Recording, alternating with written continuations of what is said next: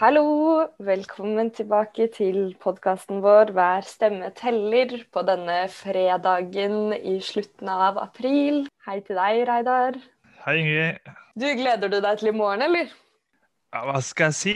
Det 1. mai er jo en, eh, en fantastisk dag som, som eh, Vi snakka litt om det sist, at det er en dag for både feiring og kamp som er den perfekte kombinasjonen, spør du meg. Så jeg, jeg liker jo egentlig 1. mai bedre enn 17., men når det er koronarestriksjoner og man ikke får møtt hverandre og ikke får kjørt opplegg som, eh, som vanlig, så, så, er det litt stusslig, altså. Det er litt, eh, det er litt kjedelig å ikke kunne, kunne bruke den dagen som, som vanlig. Men uh, heldigvis er det jo ting som skjer digitalt, og, og, man har muligheten til å markere dagen, men, men, det blir ikke det samme som å møte folk, altså.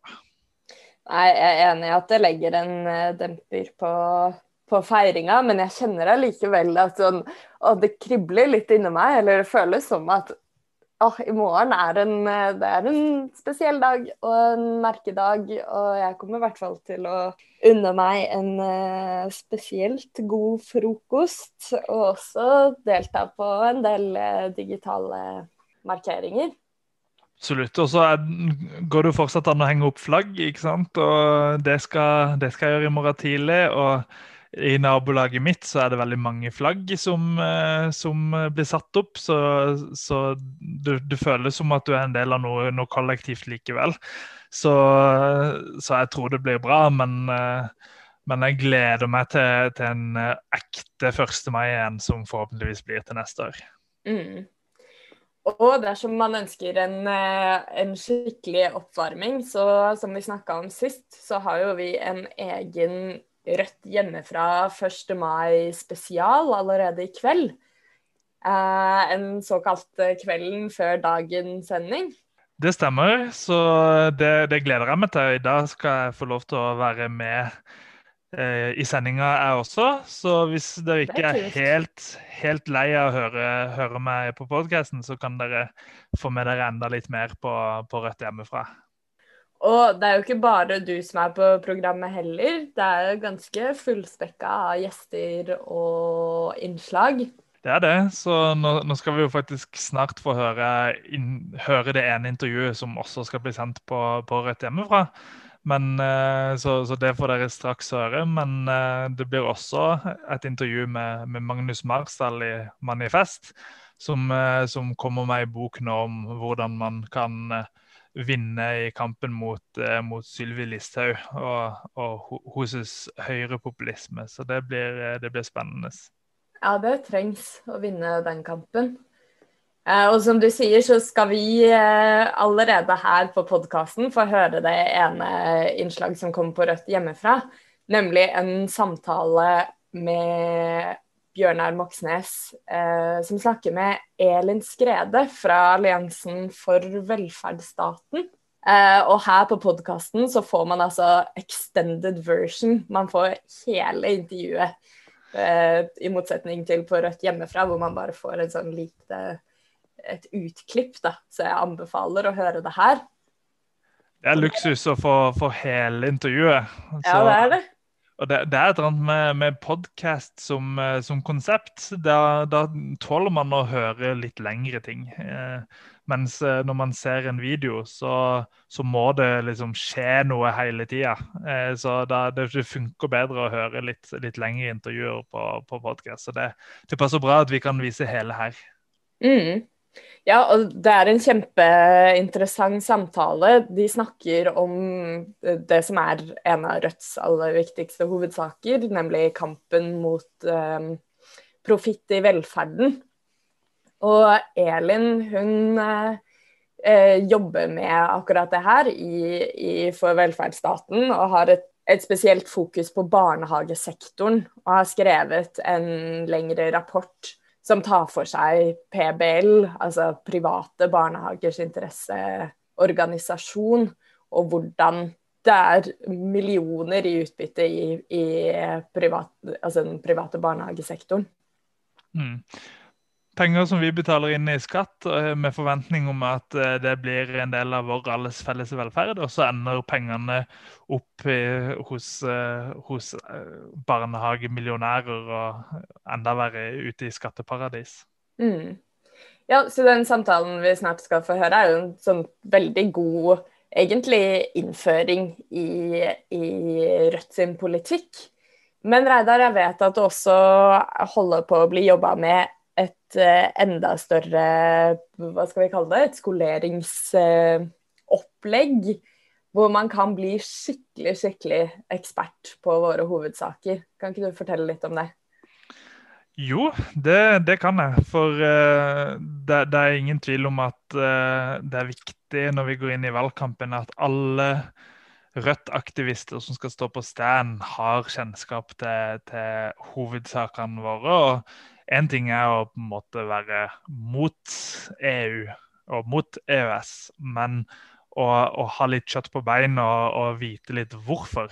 Eh, og, og, kunne argumentere for hvorfor.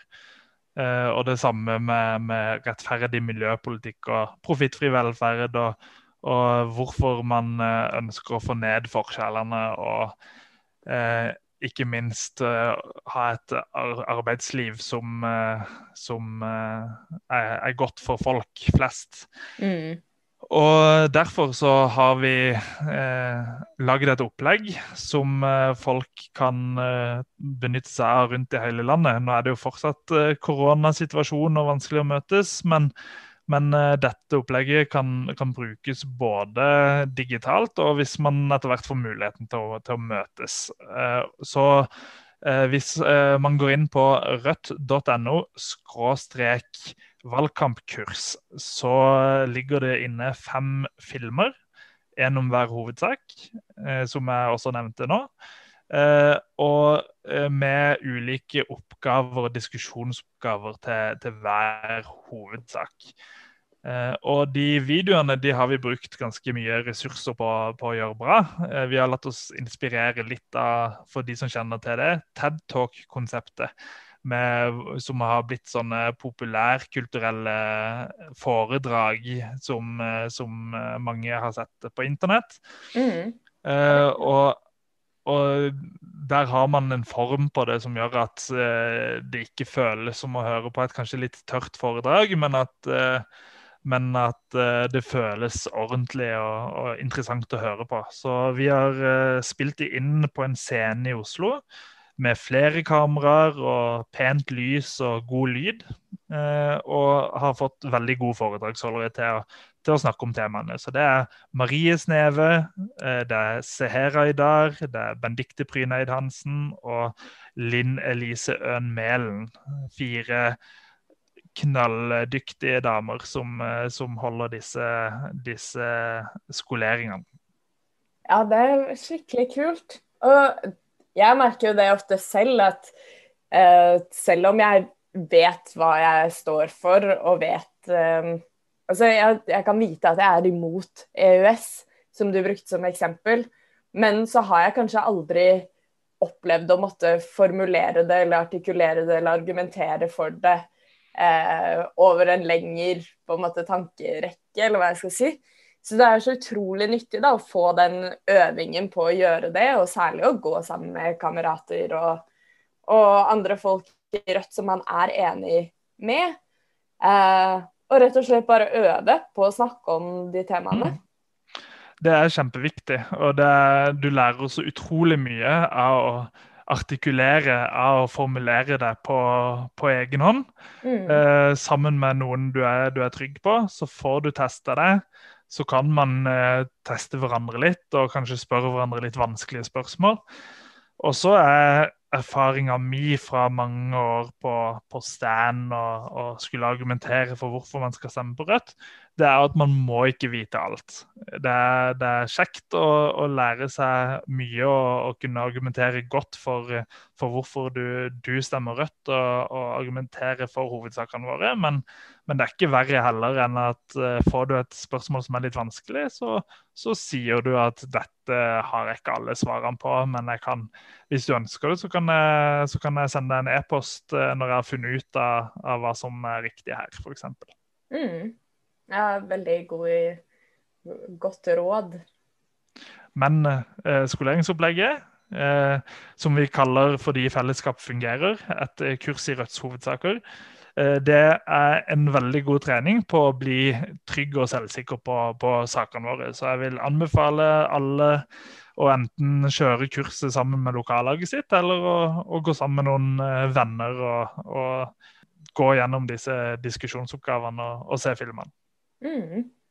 Um, men Reidar, nå tror jeg vi må gå uh, i gang med, med, dagens lille skolering her. Um, for det er et ganske langt intervju vi skal få høre. Eller intervju, det er vel kanskje mer en samtale mellom Bjørnar og Elin Skrede fra For velferdsstaten. Og temaet for den samtalen er som nevnt tidligere eh, kampen for profittfri velferd. Hei sann, eh, det er Bjørnar her. Eh, vi skal nå ha et innslag eh, hvor jeg skal snakke med, Elin Skrede om, om, en av Rødts hovedsaker i valgkampen. Det har også vært en hovedsak i mange år, nemlig kampen for profittfri velferd. Det håper jeg blir lærerikt for dere som følger med. Og Elin skal legge ut litt om, om de funnene hun har gjort. Men først, kanskje, kan ikke du si litt om hvem du er og hva du jobber med? Ja, det kan jeg. Eh, aller først vil jeg si takk for invitasjonen. Um, jeg heter da Elin Skrede, og jeg jobber som rådgiver i For velferdsstaten. Uh, og For velferdsstaten det er en allianse av mange ulike fagforbund og brukerorganisasjoner og interesseorganisasjoner. Som jobber da for en sterk velferdsstat, rett og slett. Og mot privatisering, deregulering og markedsliberalisme, for å fortelle det kort. Eh, jeg begynte å jobbe i For velferdsstaten for omtrent et eh, år siden. Og hadde før det engasjert meg eh, i flere år i barnehagedebatten. Og Bakgrunnen for det engasjementet det er at jeg måtte varsle om barnehagepenger da, på avveie i barnehagen til datteren min. Og den prosessen der det gjorde meg oppmerksom på en del bekymringsverdige forhold i barnehagesektoren. Eh, som jeg etter hvert også innså omfattet de myke velferdstjenestene generelt. Eh, da relatert til kommersialiseringen og markedsrettingen av disse tjenestene. Eh, og som rådgiver For velferdsstaten så jobber jeg stort sett med spørsmål knyttet til kommersialiseringen av barnehagesektoren. Da. Og det siste halve året så har jeg sett nærmere på Private barnehagers landsforbund, som det heter, PBL, som er den største interesse- og arbeidsgiverorganisasjonen for private barnehager. Og det arbeidet der har blitt et notat som jeg da skal snakke litt mer om etterpå. tenkte jeg. Mm. Dette er jo en sak som, eh, som både for velferdsstaten og, og, Rødt og andre er veldig engasjert i. altså Kampen for å sikre at, eh, at innbyggernes skattekroner går til velferden uavkorta, og ikke tas ut til privat berikelse. og Det jeg vet engasjerer veldig mange der ute også. Mm.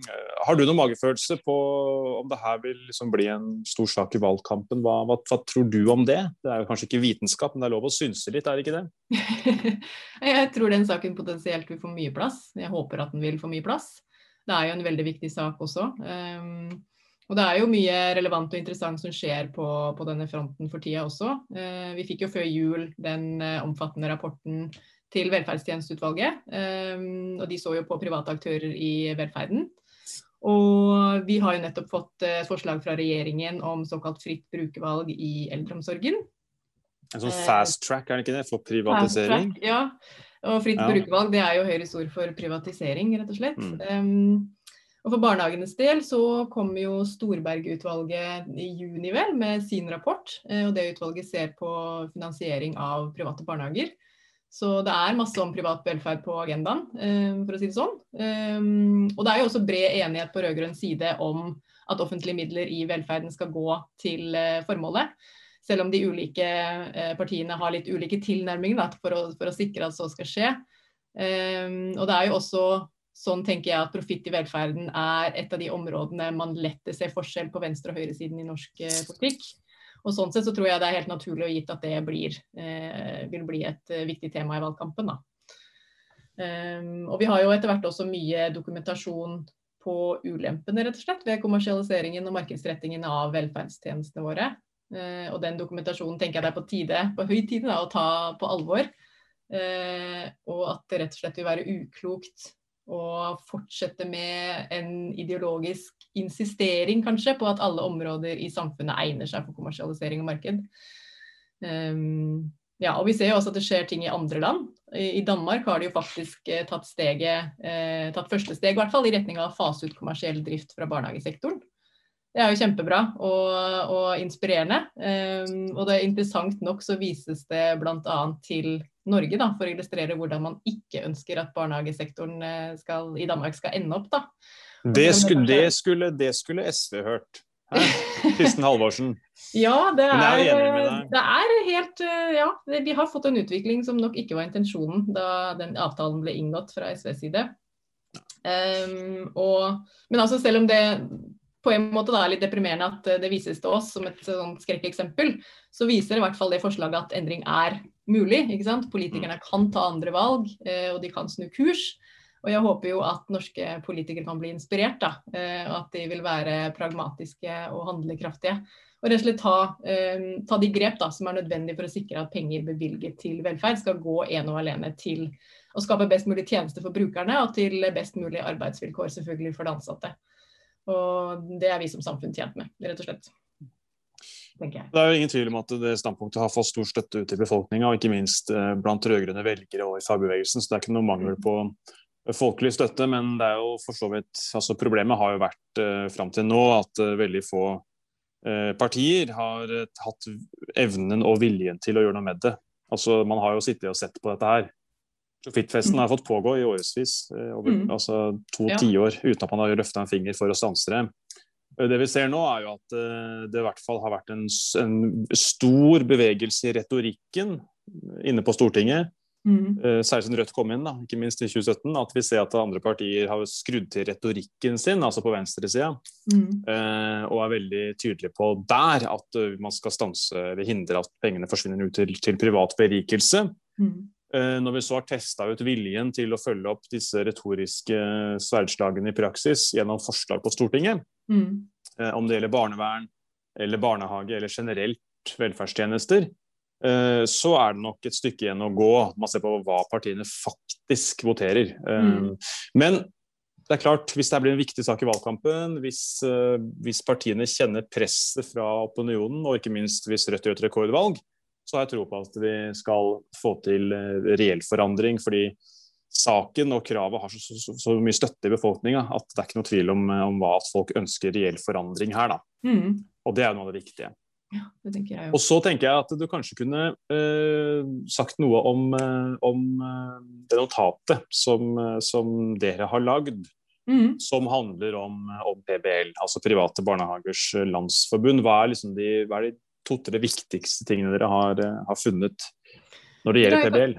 Ja, um, jeg kan jo først, først si um, litt om bakgrunnen for notatet. Altså, vi har jo sett en voldsom kommersialisering um, av barnehagesektoren de siste årene, som dere i Rødt er veldig klar over.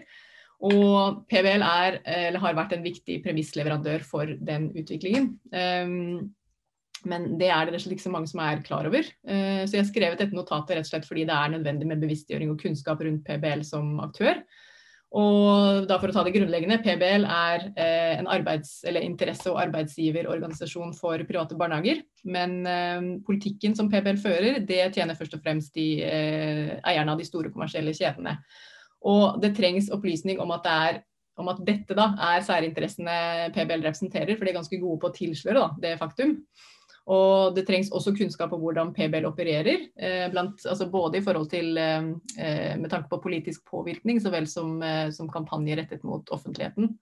Um, og i forhold til innholdet av notatet, så er det veldig mye jeg gjerne skulle sagt om det, men gitt at vi har begrensa med tid, så da kan jeg jo da nevne tre hovedkonklusjoner, for å kalle det det. Det første har jeg vært inne på, eh, men det bør nevnes likevel. Altså der PBL taler de kommersielle barnehageeiernes sak. Eh, og det kan forklares i den skjeve maktfordelingen som eksisterer innad i organisasjonen. Og det bunner hovedsakelig i at vedtektene eh, er utformet sånn at det er de store kjedene som sitter med stemmeflertallet på landsmøtet i PBL. Og um, landsmøtet er da PBLs viktigste beslutningsorgan, der det bestemmes hva PBL skal jobbe med og for. Eh, det er veldig veldig kort. Det, er mer detaljert forklart i notatet, så gjerne gå inn og les det der. Men det er i hvert fall sånn de kommersielle hovedsakelig sitter med makten i PBL. Da. Og for å gå videre til konklusjon nummer to, så handler den om at PBL bedriver en dobbeltkommunikasjon og altså nærmest en konstant tåkelegging av debatten, vil jeg si. Um, og et eksempel der er at de, til, de underspiller da, forskjellene som eksisterer på private barnehager. De bruker helst paraplybetegnelsen private barnehager når de uttaler seg. Uh, og det kommer ikke fram at det er store forskjeller på ideelle og kommersielle barnehager f.eks. Uh, og heller ikke at uh, private barnehager skiller seg mye fra hverandre på også andre måter. Og jeg skal komme litt tilbake til hvorfor det er viktig. Men um, um, PBL liker også f.eks. å snakke masse om den dårlige økonomien som, eh, som, eksisterer i private barnehager. Men de unnlater å si at det er faktisk veldig store forskjeller innad i sektoren. Og at eh, egentlig så går skillet mellom de store kommersielle kjedene på, på, den ene siden, som har faktisk høy fortjeneste, altså senest dokumentert i velferdstjenesteutvalget. Og de små og ideelle barnehagene på den andre siden, der mange sliter med å få endene til å møtes, rett og slett, eller få driften til å gå rundt. Um, og PBL vil heller ikke snakke så mye om um, altså hvorfor private barnehager går i minus. Rettere sagt hvordan de ulike private barnehagene bruker midlene og tilskuddene de får. da. Uh, og Det er f.eks. dokumentert at de store uh, kommersielle kjedene har uh, dårligst bemanning i sektoren. De har hatt det lenge, og de har det selv etter at bemanningsnormen ble innført i 2018. Um, og at de enkeltstående og ideelle barnehagene bruker mer av midlene sine på Eh, bemanning. Og Grunnen til at jeg nevner bemanning, er jo fordi at det er kjempeviktig for barna. Eh, det er viktig for kvaliteten på tilbudet, rett og slett. Og i, i, forbindelse med det så kan jeg jo gi nok et eksempel på hvordan PBL tåkelegger debatten. For de liker å si da, at bemanning ikke er det eneste som er viktig for kvaliteten eh, i barnehagen. Eh, hvilket de har helt rett i, men de unnlater å si at eh, god bemanning er selve forutsetningen for kvalitet i barnehagen. da det er grunnsteinen, ikke sant? det avgjørende for at de ansatte faktisk skal ha mulighet til å gi et godt og forsvarlig pedagogisk tilbud til barna. Um, og avslutningsvis til dette punktet så kan jeg jo si at det at PBL er en interesse- og arbeidsgiverorganisasjon, er ikke eh, problematisk i seg selv eller uvanlig. ikke sant? Men det som er uredelig, det er at PBL tilslører hvilke særinteresser de representerer og jobber for. Og, jobber for. Um, og også at de påstår at de jobber for eiernes interesser og barnas og ansattes og samfunnets interesser samtidig. Eh, det er jo rett og slett ikke tilfellet. Det er jo ikke forenlig heller. Jeg så senest i dag at Anne Lindboe var ute i Klassekampen eh, og påsto at det viktigste faktisk for PBL er barna. Så det var overskriften, tror jeg. Um, og i det minste da, så er det langt mellom liv og lære eh, i eh, PBL. Og det er der eiernes interesser står mot barnas interesser, som det f.eks. gjør i spørsmålet om fortjeneste, så støtter eh, PBL-eierne. Og det har vi etter hvert ganske mange eksempler som viser da, at det stemmer. Det er jo det interessant, også, ja. tenker Lindboe er jo Det er et interessant hva som sier, fall. Altså hun var jo, hun var jo barneombud, liksom. Og mm. satte jo, da satte hun faktisk barnas interesser først. Mm. Så har hun da gått fra det, og det er jo lov å bytte jobb, liksom, det er helt greit det, til å bli direktøren i, i PBL. Mm. Men da jobber jo aktivt dag ut dag inn for å forsvare de kommersielle kjedenes eh, makt og mulighet til å altså, robbe barnehagene for mest mulig penger. Uh, og hun er vel også etter hvert blitt den største liksom, notoriske løgnhalsen i norsk offentlighet. Iallfall min, min vurdering ja. når det gjelder denne saken her. Du trenger ikke å si noe om det, altså, men det er iallfall min objektive uh, syn på saken. Hun presterer å påstå, har jeg sett i avisen, at uh, det ikke har vært noen nedgang i antall ideelle barnehager, eller andel. Mm. Det er, det er, ingen fare for de ideelle barnehagene, og ikke, ingen vekst i de kommersielle. Mens etter hva jeg husker, så viser jo tallene at, at siden 2005 da, har blitt lagt ned, eh, lagt ned 19 000 ideelle barnehageplasser. Mm. Det har vært en nedgang på 19 000, og så har det vært en vekst på 58 000 kommersielle mm. barnehageplasser.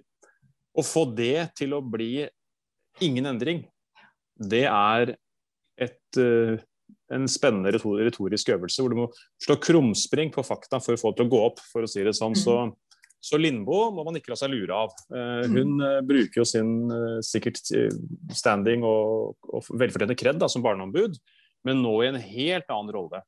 hvor det hun driver med, egentlig er en kynisk politikk eh, på, som går utover barn eh, i barnehagene, hvor de altså vil sikre profittuttaket eh, til evig tid, for min oppfatning av hennes rolle Mm. eh, i PBL. Da. Ja, jeg er jo um, Jeg må jo si jeg er skuffet. Um, om enn kanskje ikke overrasket. Vi skjønte vel kanskje hvor det bar da hun fikk den direktørjobben.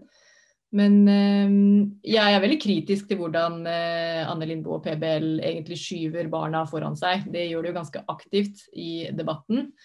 Da senest da eksemplifisert i dette innlegget i Klassekampen. Um, Mm. Det føles ikke opp av handling, i hvert fall.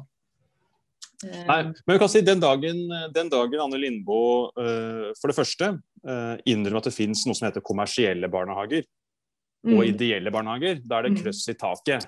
mm, Uh, forklart Strategien deres er, er naturligvis å snakke om private, uh, og på den måten skyver de foran seg den kreden som de ideelle ikke sant, non-profit-barnehagene tross alt har. da. De Mm. har jo en høy standing, mange er fornøyd med dem.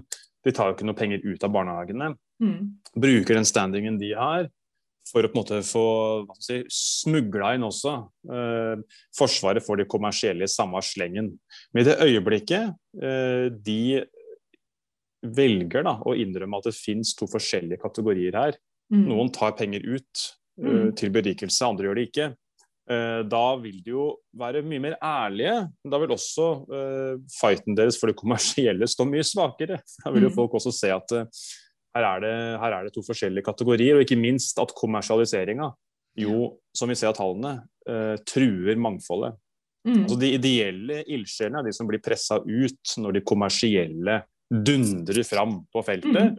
Ja. Med PBLs varmeste velsignelse. Jeg har aldri mm. hørt Lindboe en eneste gang komme med ett tiltak eller ett forslag som kan styrke de ideelles stilling og styrke Mhm. mangfoldet i barnehagesektoren. Mm. eh, som da nødvendigvis også vil bety en innskrenkning av de kommersielle kjedenes makt. Mm. Den dagen det skjer, er det også krøss i taket, tenker jeg. Da skal jeg, da skal Jeg er revurdere min karakteristikk. Men, men det kan jeg, da kan jeg egentlig nevne det, den eh, tredje hovedkonklusjonen i, eh, i notatet. For det handler om denne eh, likebehandlingspolitikken, eller likebehandlingsprinsippet, da, eh, som PBL for det første kjempet lenge for å få, få gjennom når de inngikk denne barnehageavtalen i, på begynnelsen av 2000-tallet. Um, og fremdeles fremmer aktivt, også så vidt jeg vet, inn i dette, eh, altså dette utvalget som ser på finansieringen av de private barnehagene. Og det, eh, den politikken da dreier seg kort fortalt om at alle private barnehager sant, mottar tilskudd etter samme prinsipp, altså det, denne stykkprisfinansieringen. Um, og i utgangspunktet så høres jo likebehandling eh, positivt ut. Men problemet er jo da at eh, private barnehager er veldig ulike. Eh, F.eks. kommersielle og ideelle. ikke sant? Um, og de skiller seg fra hverandre på mange ulike måter. De har mange ulike forutsetninger og mål for driften sin, og de har mange ulike utfordringer. Eh, og når man vet det, så sier det seg selv at likebehandling av så ulike aktører, eh, det alltid vil favorisere noen framfor andre. da. Og sånn som vi ser det, så har denne, eh, I dette tilfellet så fører det til overfinansiering av de kommersielle kjedene. Og det fører til økonomiske problemer for små og ideelle barnehager. Eh, og Konsekvensen av den politikken er jo tydelig, sånn som du er inne på, at det er en klar nedgang i ideelle og enkeltstående barnehager. Og det er en konsolidering av kjedene. Og den utviklingen den skjer ganske raskt nå. Og sånn som Telemarksforsking var inne på, vel, så er vel hvis denne utviklingen fortsetter i samme tempo, så vil de kommersielle kjedene ha, altså de fire største, tror jeg, ha flertall i de, av de private barnehagene i 2029. Det er veldig få år til, altså. Så det er viktig at denne utviklingen snus, ikke sant? for det er jo en, faktisk en tverrpolitisk enighet om at man ønsker å tilrettelegge for de enkeltstående og ideelle barnehagene. Men så langt så har ingen endringer av barnehageloven eller ingen politikk eh, endret da, eh, denne utviklingen som vi ser. Hva tenker du om, eh, bare kort om, om de eh, innvendingene som kommer ofte fra, fra høyresida om at eh, foreldrene er mer fornøyd uh, i de såkalt private barnehagene, og at det viktigste er kvaliteten, ikke hvem som driver, Mm. driver barnehagen. Det er jo klassiske argumenter som man Ja, vil møte i valgkampen. Ja. Det er jo en uh, avsporing. Uh, altså, er, for all del det er viktig hva foreldrene synes om barnehagetilbudet, uh, som et ledd i kommunikasjonen mellom hjem og barnehage. Men eh, det å bruke foreldreundersøkelser til å si noe om kvalitet, det har jo ganske lite for seg. fordi som det viser seg, så er jo ikke vi foreldre er ikke fagpersoner. Vi kan lite uh, om uh, kvalitet på barnehagetilbudet, og vi velger også barnehage ut fra helt andre kriterier enn kvalitet, f.eks. For, de fleste av oss er det beliggenhet for eksempel, som er viktigst når vi skal søke oss en barnehageplass. Um, og um, altså det er jo veldig liten forskjell også på tilfredsheten i, eh, altså blant foreldre i private og kommunale barnehager. Eh, det, vi, er, vi, er, jevnt over veldig fornøyde, uten at det nødvendigvis sier så mye om kvaliteten på tilbudet som blir gitt til barna. Da. Vi er jo heller ikke til stede i barnehagen i løpet av dagen. Eh, Nei, vi, ser jo, vi, ser jo, tilbudet kan si, når vi leverer og henter. Ja. Til sammen ti minutter da, i løpet av dagen. Mm. Og så skiller de vel ikke, de skiller jo ikke mellom ideelle og kommersielle. Nei, det gjør så, de heller Sånn sett er det, jo, er det jo, og det brukes som forsvar for kommersielle i sektoren, ja, nei, det... er jo meningsløst. Ja, det er, det er meningsløst. meningsløst. Da måtte de ha tall på kommersielle, og så måtte de tallene i tillegg da, mm. sagt noe om kvaliteten. Og det mm. gjør de heller ikke sånn faktisk rent direkte. da. Det er mer mm. foreldrenes mm. opplevelse av det. Ja, og det er, jo, det er jo også noe som altså Utdanningsdirektoratet, som utformer den største og mest brukte av undersøkelsene, er jo også klare på at den er ikke statistisk representativ. Da. Eh, det er frivillig å delta på undersøkelsen, og det er, det er, rett og slett uegnet til å sammenligne barnehager også. Så veldig mange grunner til at man ikke bør bruke foreldreundersøkelser som et argument for eh, å fremme, eh, for å ja, fremme kommersielle barnehager.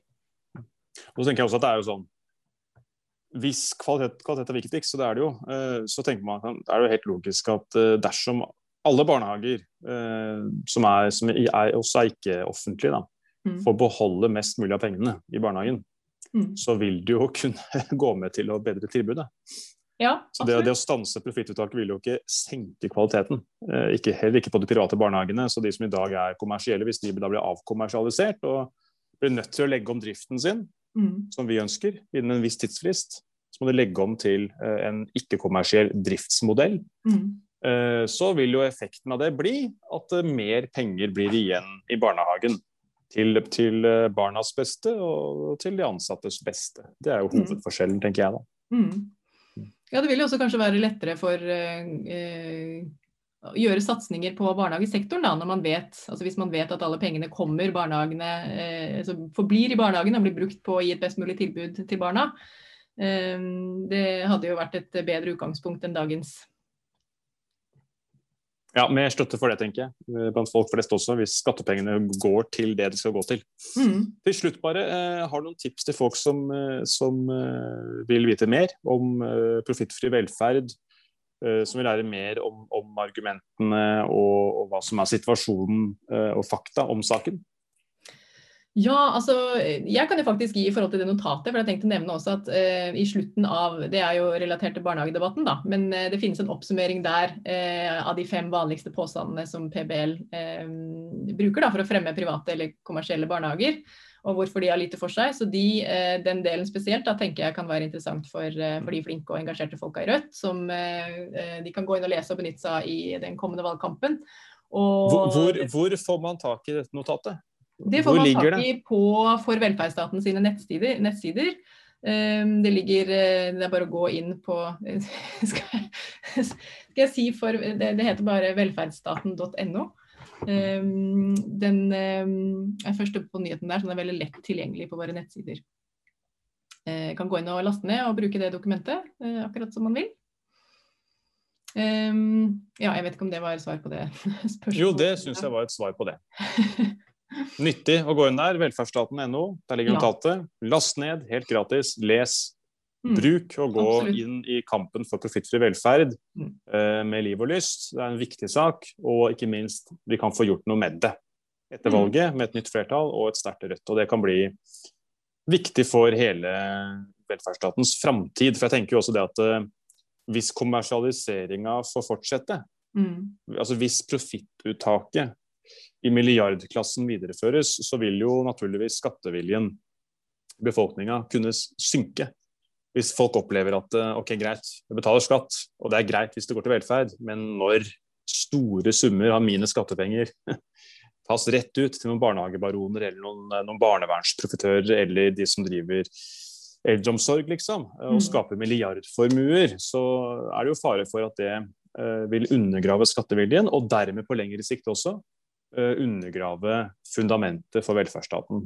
Mm. Så Det er jo de perspektivene som jeg mener er, ligger til grunn for debatten, og som også tar med alvor inn i saken. At det handler jo ikke liksom bare om at noen penger tas ut, det er ille nok det, men også det handler om velferdsstatens framtid. Om vi skal løse velferdsoppgavene i fellesskap, sånn som vi har gjort i mange mange tiår, kanskje 100 år, ikke kommersielt.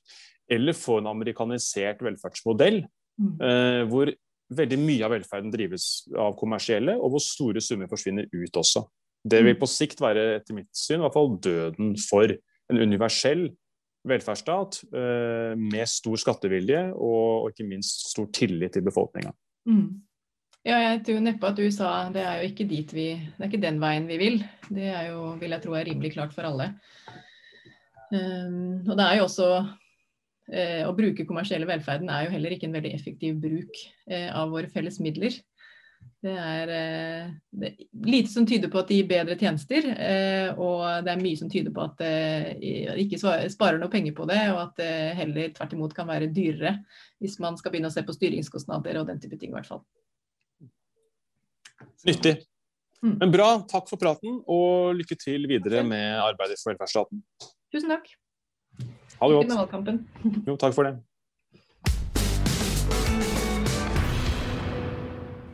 Det var Bjørnar Moxnes og Elin Skrede. Um, og hvis du enda ikke har fått nok av å høre de snakke, så kan du se det enda en gang til, og da kan du se de også uh, på dagens Rødt hjemmefra 1. mai spesialsending. Men som nevnt tidligere, da, så er det bare et lite utdrag. Så hvis du vil høre hele samtalen, så må du spole tilbake igjen her i podkasten og høre en gang til. Og for dere som vil se Rødt hjemmefra-sendinga, så kan dere se den på rødt.no skråstrek hjemmefra, eller på Rødt sine Facebook-sider. Ja, det var godt du sa fra om, Reidar. Um, og vi er jo nå siste dagen i uh, april, og som vi har pleid, så må vi også gå gjennom en liten oppsummering av målinger og tall som har kommet frem i løpet av den siste måneden. Og hvordan ser det ut nå, Reidar, etter enda en måned? Hvordan uh, kommer vi til å ta den sperregrensa, eller? det er jo så utrolig spennende. Så jeg, ja, Det er så jeg nesten ikke får sove om natta. Så, så jeg, jeg gleder meg forferdelig til, til 13.9. Men nok en måned nå så har vi ligget over sperregrensa.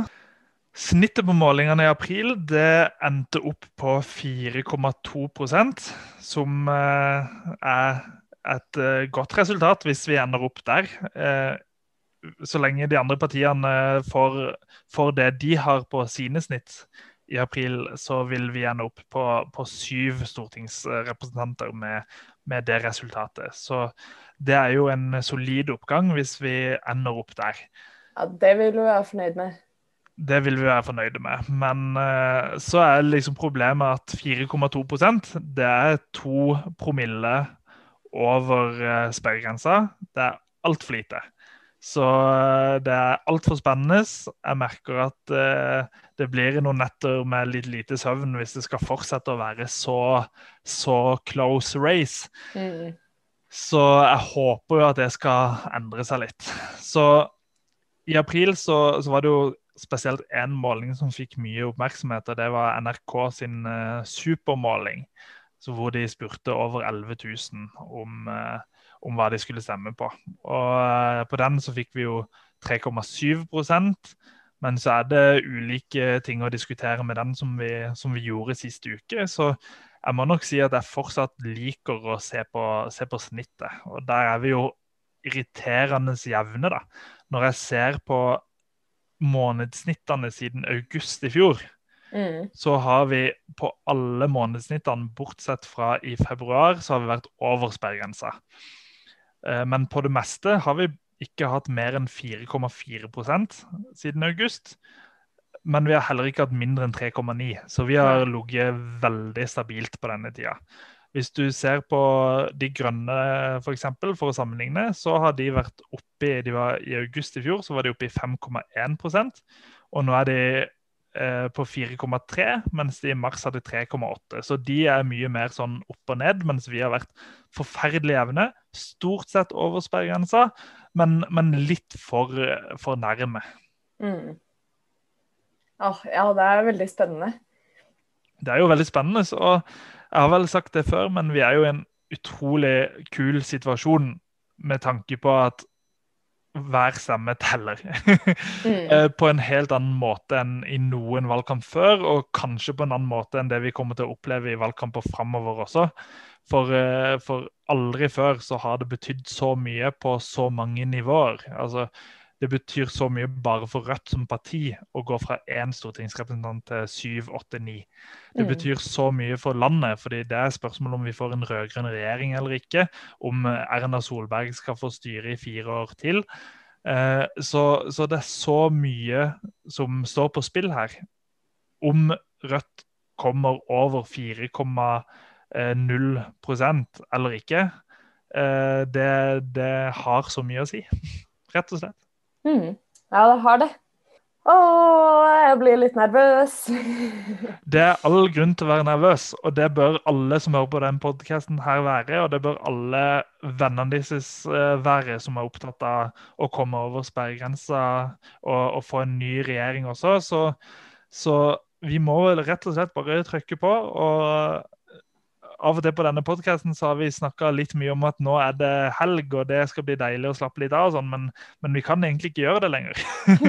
nå, nå, må vi rett og slett være i valgkampmodus eh, til, til 13.9. For eh, vi, vi, har ikke råd til å, til å falle under 4% altså. Nei, vi har ikke det. Og vi må jo bare bruke den nervøsiteten til vår fordel også. Og tenke at OK, det gir en ekstra giv. Og særlig nå i løpet av denne helga her, som uh, på mange måter uh, vi kan kalle for vår helg, da. Som mm. er en helg og en dato 1. mai, arbeidernes internasjonale kampdag. Det er jo vår dag. Det er jo det. Mm.